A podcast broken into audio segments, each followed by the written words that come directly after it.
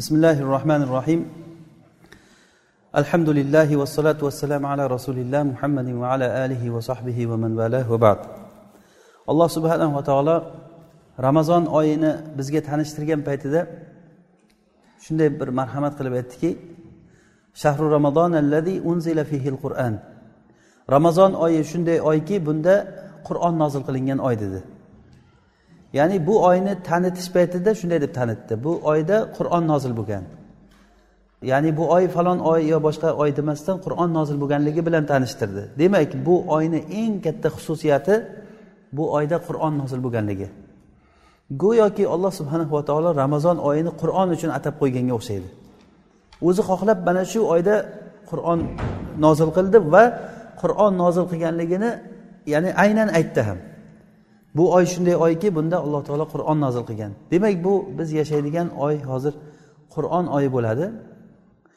Qur'onni ko'proq o'qishligimiz bu qur'ondan foydalanishligimiz qanday qilib qur'ondan foydalanamiz? Qanday qilib turib qur'ondan foydalanamiz? Biz o'tgan darslarimizda bu haqda ancha muncha gapirgan bo'ldik. Ya'ni qur'onni tadabbur qilmasa qur'on qalbga kirmaydi. Qur'on tadabbur qilishlik uchun bunga tirik qalblar kerak ekan. Alloh subhanava taolo hammamizni qalblarimizni ochsin. Qalb ochilishligi uchun bu uchun mag'firat qilish kerak alloh taolo. Gunohlardan forig' bo'lish kerak odam. Gunohsiz odamni o'zi yo'q. Faqatgina istig'for so'rash kerak. Alloh taolodan istig'for so'rab haqiqatdan tavba qilinsa alloh subhanava taolo inshaalloh qalblarni ochadi. Tadabbur qilishlik biz uchun juda ham muhim narsa. Qur'onni tadabbur qilishlik qur'onga qattiq berilishlik ilgarigi bizdan oldingilarni holatiga agar e'tibor berilinsa masalan masruq ibn al ajda aytadilar masruq ya'ni bu kishi abdulloh ibn masudni shogirdlaridan. Men sahobalardan rasulullohni sahobalaridan ko'pchiligidan ilm so'rardik biz degan ya'ni biz ilm so'rardik. Oxiri yetib borgan narsamiz shu bo'ldiki ularni ilmi qur'onda ekan degan. Sahobalarni ilmi qur'onda ekan degan. Qaysidan so'rasak qur'on bilan javob berardi. Qaysidan so'rak qur'on bilan javob berar edi.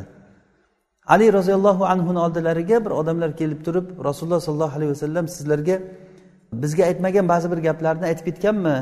Ba'zi bir xos bir hech kimga aytmagan gaplarni sizlarga aytgandir balkim yaqin odamlar sizlar rasulullohni. Deganda yo'q rasululloh kimga aytgan bo'lsa bizga ham o'shani aytganlar. Faqatgina ollohni kitobidagi fahm bor deganlar. Ollohni kitobidagi fahm buni olloh subhanava taolo o'zi xohlagan kishilarga beradi degan. Ya'ni ollohni kitobiga qarab turib bunda fahmlash bu uchun ollohni kitobiga muhabbat bo'lishi kerak. Bu qur'onni qanaqa kitob ekanligini biz bilishligimiz kerak. Ya'ni bu qur'onni olloh subhanava taolo muborak kitob deb aytdi. Ya'ni muborak deb turib barakalik. Bu qur'on shu o'zini holati bilan barakalik. Uni hukmi ham u qur'onni tilovati ham barakalik. Hattoki abu jafar al qoriy u kishi ashara qiroatni qorilardan ya'ni nafiyani ustozlaridan bo'ladi. Madinalik qori shu kishi dunyodan o'tgan paytlarida bu kishi o'zi asli hayotini qur'onga sarflagan odam. Shuning uchun ham o'sha ashra qiroatni mutavotir ya'ni o'nta qiroatni bitta qorilardan u kishi. Shu kishi dunyodan o'tgan paytlarida shunday ko'kraklarini oldiga mushafni varaqani shakli ko'rinib qolgan ekan. Yuvadigan paytda o'zi kuyovi yuvgan ekan. Kuyovi ko'rganda keyin yonidagi odamlarga ham ko'rsatgan ekan. Ko'rgan odamlar hech kim shak shubha qilmaganki mana bu narsa qur'onni barakatidan ekanligini. Hatto o'lgan paytda shuni ko'kragini oldida bir qur'on mushafni varaqi ko'rinib qolgan ekan. Bu alloh taoloni bergan karomati qur'on bilan yashagan kishiga. Hatto u kishini ba'zi bir solih kishilarni tushlarida ham ko'rib alloh taolo uni shahidlar qatoriga qo'yganligi jannatda rizqlantirib yurganliklari kelgan. Abu bakr nobilsiy degan kishi bu kishi misr faqihlaridan misrni faqih qozilaridan bo'lgan. Fotimiylar davrida u kishi juda sunnatda turganligi uchun juda qattiq azoblangan. Fotimiylar ular bidatchi bir qavm bo'lib chiqqan botiniy qavm bo'lgan bular. Ya'ni zamonlarda alloh subhanava taolo bu ummatni ular bilan balolagan fotimiylar bilan.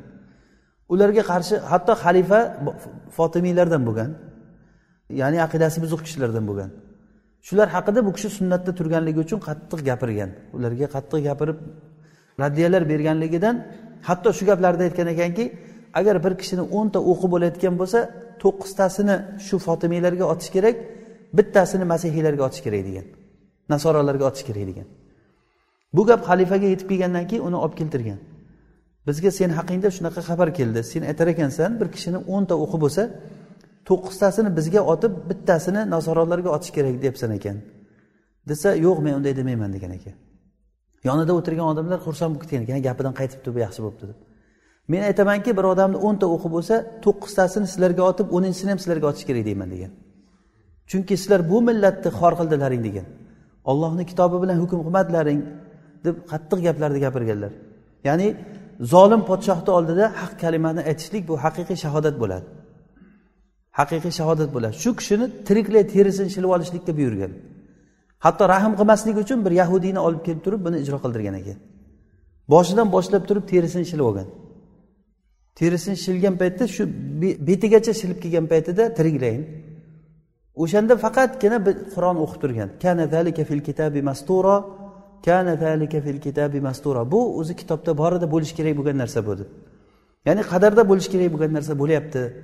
Deb sabr qilib turganlar shunda haligi yahudiyni ham rahmi kelganligidan qalbiga bir pichoq suqib olgan ekan o'lishlik uchun. Shu bilan u kishi shahid bo'lgan. Keyin ko'milganda qabridan qur'on ovozi eshitilgan ekan. Qabrida buni o'sha hozir bo'lgan kishilar eshitgan qur'on ovozi eshitilingan mana bu narsa ham qur'onni bir barakotlaridan. Hatto o'lgandan keyin ham alloh taolo o'sha qur'on sohibini qanchalik darajada mukarram qilib qo'yishligiga bir katta bir ibrat bu narsa. Hatto doriqutniy imom doriqutniy shu kishini aytgan paytda yig'lab shahid deb aytar ekanlar. Ya'ni haqiqiy olloh yo'lida shahid bo'lgan kishilar qatoridan zolim podshohni oldida sunnatni gapirib turib haq uchun shahid bo'lgan odamlardan degan. Ya'ni bu yerda hozir aytmoqchi bo'lganimiz u kishini qabrlarida qur'on ovozi eshitilinganligi ya'ni bu qur'on bizga tadabbur qilishlik uchun nozil qilindi. Qur'onni biz hozir mana mehroblarda o'qiyapmiz qur'onni alhamdulillah bu alloh subhanava taoloni katta bir fazli bu. Qur'onni o'qishlik buni tinglashlik bunga tavfiq berishligi mana shunday jamoatlarda masalan ko'pchilik odam uxlash uxlab yotgan paytlarida alloh taolo tavfiq berib mana bunday qur'on halqalariga kelib quloq solib o'tirishligimiz juda katta alloh taoloni bergan tavfiqi. Inshaalloh bu qiyomlar bu amallar inshaalloh qiyomat kunida bir boshimizga soyabon bo'lishligini umid qilamiz alloh taolodan. Qur'onni tadabbur qilishlik o'zi nima degani? Qur'onni tadabbur qilishlik degani nima degani? Tadabbur bu arab tili arab tilida bir narsani ko'rgan paytda uni oqibatini bilish nariyog'idagi narsani ko'ra bilish degani. Ya'ni arab tilida dubur degani bir narsani orqa tarafi degani. Orqa taraf shunday oldini ko'rgan paytida uni orqasini ko'ra bilishlik tadabbur deyiladi. Tafakkur degani shunday oldini ko'ra bilish degani. Tafakkur fikr qilish degani bir narsaga ko'rgan paytda mana shu ha bu shunday ekan. Masalan bir varaqqa qarasa bu oq varaq ekan bunga bir qalam bilan yozilgan ekan deb ko'rib shundagi yozilgan narsalarni tushunishlik bu tafakkur bo'ladi. Ammo bundan maqsad nima ekanligini bilishlik va undan ba'zi bir uni orqasida bir foydalar bor. Masalan ba'zi bir foydalar haqida gapiramiz. Masalan ashabul kafni ko'p eshitganmiz. Ashabul kafda bir yigitlar iymon keltirganligi uchun bir podshoh zolim podshoh fir'avn ularni qatl qilishlikka buyurgan. Ular alloh taolodan madad so'rab qochgan borib turib bir g'orga kirgan. Mana kecha buni voqeasini qur'onda alloh taolo bizga zikr qilganligini o'qidik. Ular g'orga kirgan o'sha g'orda keyin alloh taolodan najot so'ragan paytda ularga uyqu bergan alloh taolo uxlab qolgan. Uch yuz to'qqiz yil uxlashgan. Uch yuz to'qqiz yil uxlagan keyin uyg'ongan va nimalar bo'lgan qisqa qissa judayam katta ibratlarga to'la ya'ni har bitta kalimasida har bitta joyda ibratlar bor biz uchun. Shu yerda bitta narsaga men e'tibor qaratmoqchiman. Alloh taolo o'shalar haqida aytib bergan paytda ya'ni ularni ko'rsang sen ularni bir ajib holatda ko'rasan. Ularni itlari ya'ni kuchuk ularni orqasidan ergashib borgan kuchugi g'orni eshigini oldida oyoqlarini qo'ygan holatda turibdi degan. Shuni aytib o'tib ketgan alloh taolo. Endi tadabbur bilan qaralingan paytda bir savol paydo bo'ladiki nega alloh taolo bu itni zikr qilib ketdi bu yerda? Ya'ni ularni itlari e, g'orni eshigida turibdi degan. Nega itni aytyapti degani ibn kasir rahimaulloh shu haqda bir ajib gapirganlar va shinqitiy ham tafsirlarda aytgan ekanlarki solih kishilarga hamroh bo'lishlikni mana shunday katta bir foydasi bor. Hatto it bo'lsa ham alloh taolo qur'onda zikr qilib ketdi degan. Hatto it bo'lsa ham endiku bir odam bo'lsa nima bo'ladi deng? Ollohni do'stlariga hamroh bo'lishlikni juda katta foydasi bor. Qiyomat kunigacha tilovat qilinadigan qur'onda shu itni zikri aytib ketilindi. Kalbuhum basitun nechi ming ming ming martalab million martalab o'qiladi bu narsa?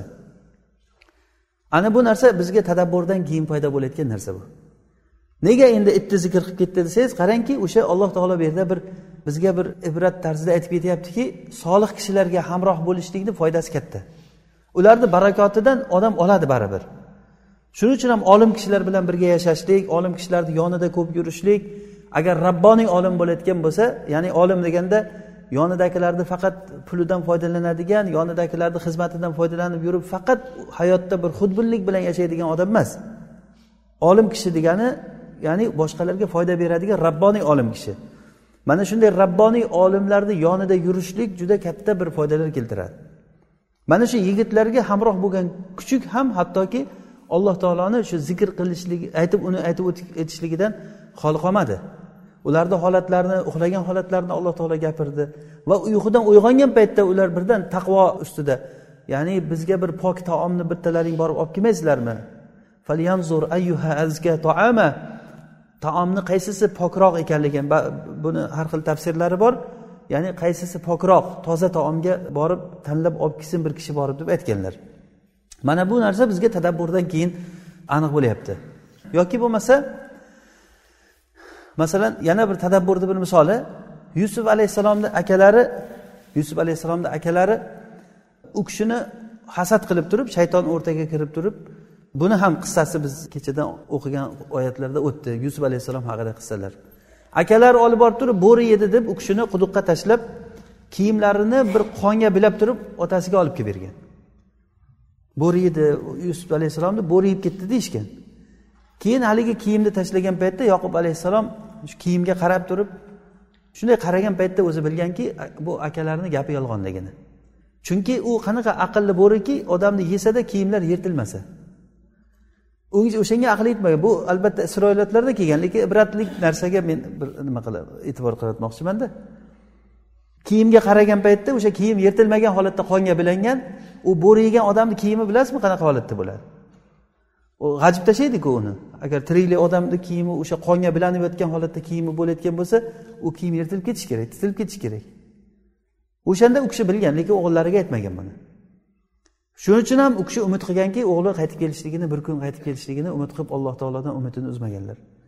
Mana bu narsa bir narsani shunday ko'rgan paytda orqasidagi holatni ko'rishlik bu tadabbur bo'ladi. Ibn serin muhammad ibn serin rahimaullohni shogirdlaridan bittasi kelib aytgan ekan u kishiga. Bir bug'doy bor bug'doyni ichiga qurt tushib bug'doy qurtlab ketibdi. Keyin mana arab diyorlarida bo'ladi misrlarda bir ful degan bir nima bor. Bizdagi xuddi loviyaga o'xshab ketadi. Qattiq meva haligi e, judayam donlik nimalar kiradi don mahsulotlaridan. U ham qurt bosgan ekan.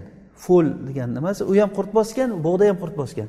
Shu bug'doy bilan fulni bir biriga qo'shib turib tegirmondan o'tkazdik degan. Ikkalasini tegirmondan o'tkazgandan keyin un qilsak keyin undan non qilaylik nonni ichidan qurt tirik chiqdi degan. Ya'ni bu deganiki haligi qurt haligi qurt bug'doy bilan fo'lni bir biriga tegirmonda yachgan paytda haligi fo'lni doni katta bo'lganligidan u qurtlar ezilmay qolib ketgan. Ezilmay qolib ketgan. Shunda haligi qurtlar tirik qolib ketgan. Ikkita tegirmon toshni orasida qolgandan keyin orada qurtlar qolib ketgan. Shunda muhammad ibn sirin bu voqeani aytib bergandan keyin xuddi shunga o'xshab xuddi mana shunga o'xshab katta ilmli odamlar bilan yurgan odam salomat qoladi degan ekan. Ya'ni katta narsani orasida u salomat qolgan qurtlarga mana bu ibrat degani ya'ni bu tadabbur degani shu oyatlarga xuddi mana shu ko'z bilan qarasa o'shandagina odam foyda ola oladi. Bu uchun birinchi o'rinda biz o'sha qur'on tilovat qilingan paytda qur'onni ollohdan eshityapman degan e'tiqod bilan qarashligimiz kerak. Qur'onni olloh go'yoki bizga olloh hozir gapiryapti deb qarash kerak. O'quvchisidan qat'iy nazar.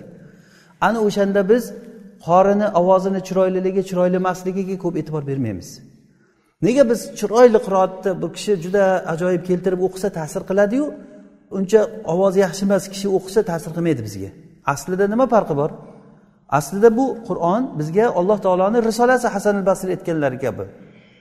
Sizlar qur'onni o'zlaringga bir shug'ullanadigan amal qilib ishlab oldinglar sizlardan oldingi odamlar qur'onni olloh taoloni risolasi bu maktubi deb turib qabul qilgan. Kechalari tilovat qilishardi va kunduzlari unga amal qilishardi deb. Ya'ni mana shu qur'onni go'yoki ollohdan eshityapman degan e'tiqod bilan qarash kerak. Bu birinchi marhala bizga.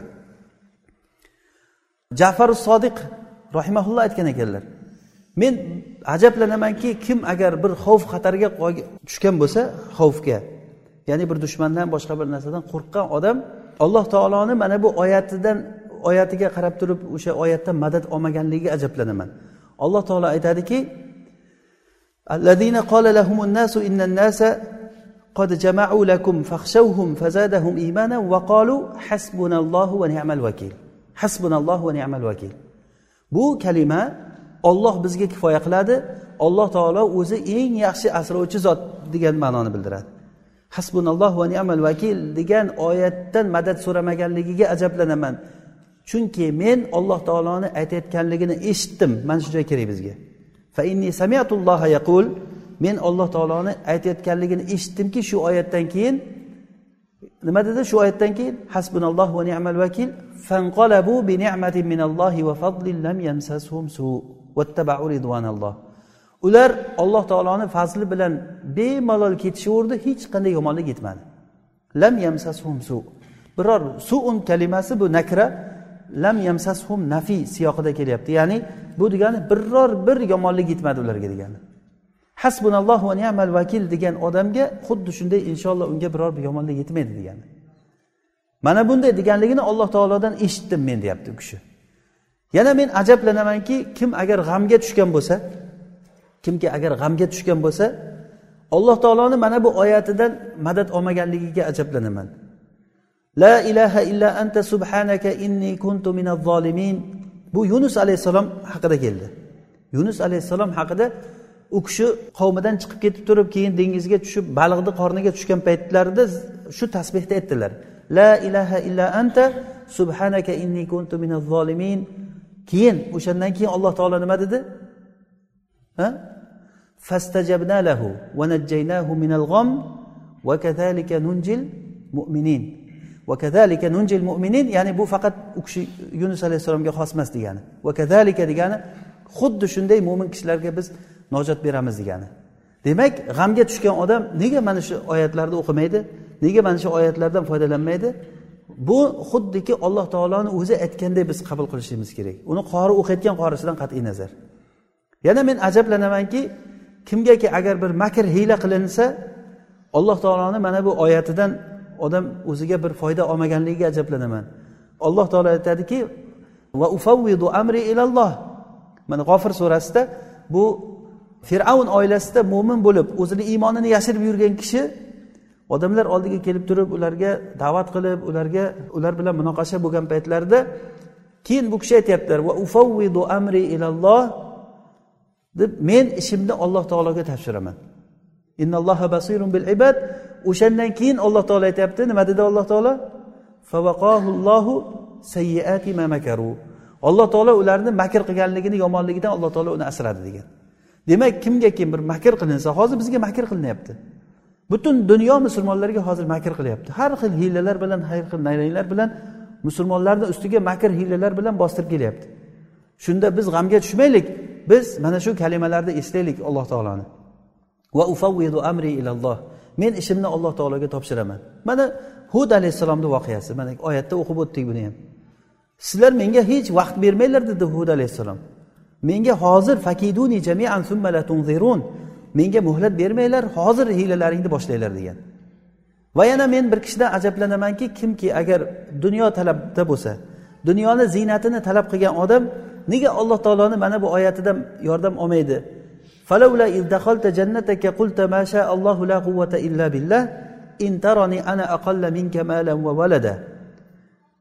Ya'ni sen bog'ingga kirgan paytingda mana shu duoni o'qisang bo'lmaydimi? Mashaalloh la quvvata illa billah desang bo'lmaydimi? O'sha oyatdan keyin alloh taoloni nima deganligini eshitdik biz. Asa robbi an yu'tiyani min jannatik. Ya'ni alloh taolo seni jannatingdan ko'ra menga yaxshiroq narsani berishligi. Asa kalimasi qur'onda keldimi? Bu aniq degani bu. Demak bizga hali inshaalloh bu suhbatimizni davomi bor. Maqsadki alloh taoloni kitobidan tadabbur qilishligimiz kerak. Hozir biz tadabbur qilishlikka bir ba'zi bir muqaddimalar kirish qismlar qildik. Bu narsa biz uchun juda ham muhim bo'lgan narsa. Demak suhbatimizni oxirida bir tadabbur bilan tafakkurni farqini yana aytib o'taman. Tafakkur deganligi shunday qarab turib qur'onni tushunish degani. Tadabbur deganligi uni orqasidagi bir ma'nolarga e'tiborishlik degani. Hozir bir ba'zi bir misollar keltirdik. Alloh subhanahu va taolo hammamizni qalblarimizni ochsin. Alloh taolo tirik qalblar bersin. Alloh taolo hammamizni shu yer yuzida yuradigan tirik qur'onlar qilsin.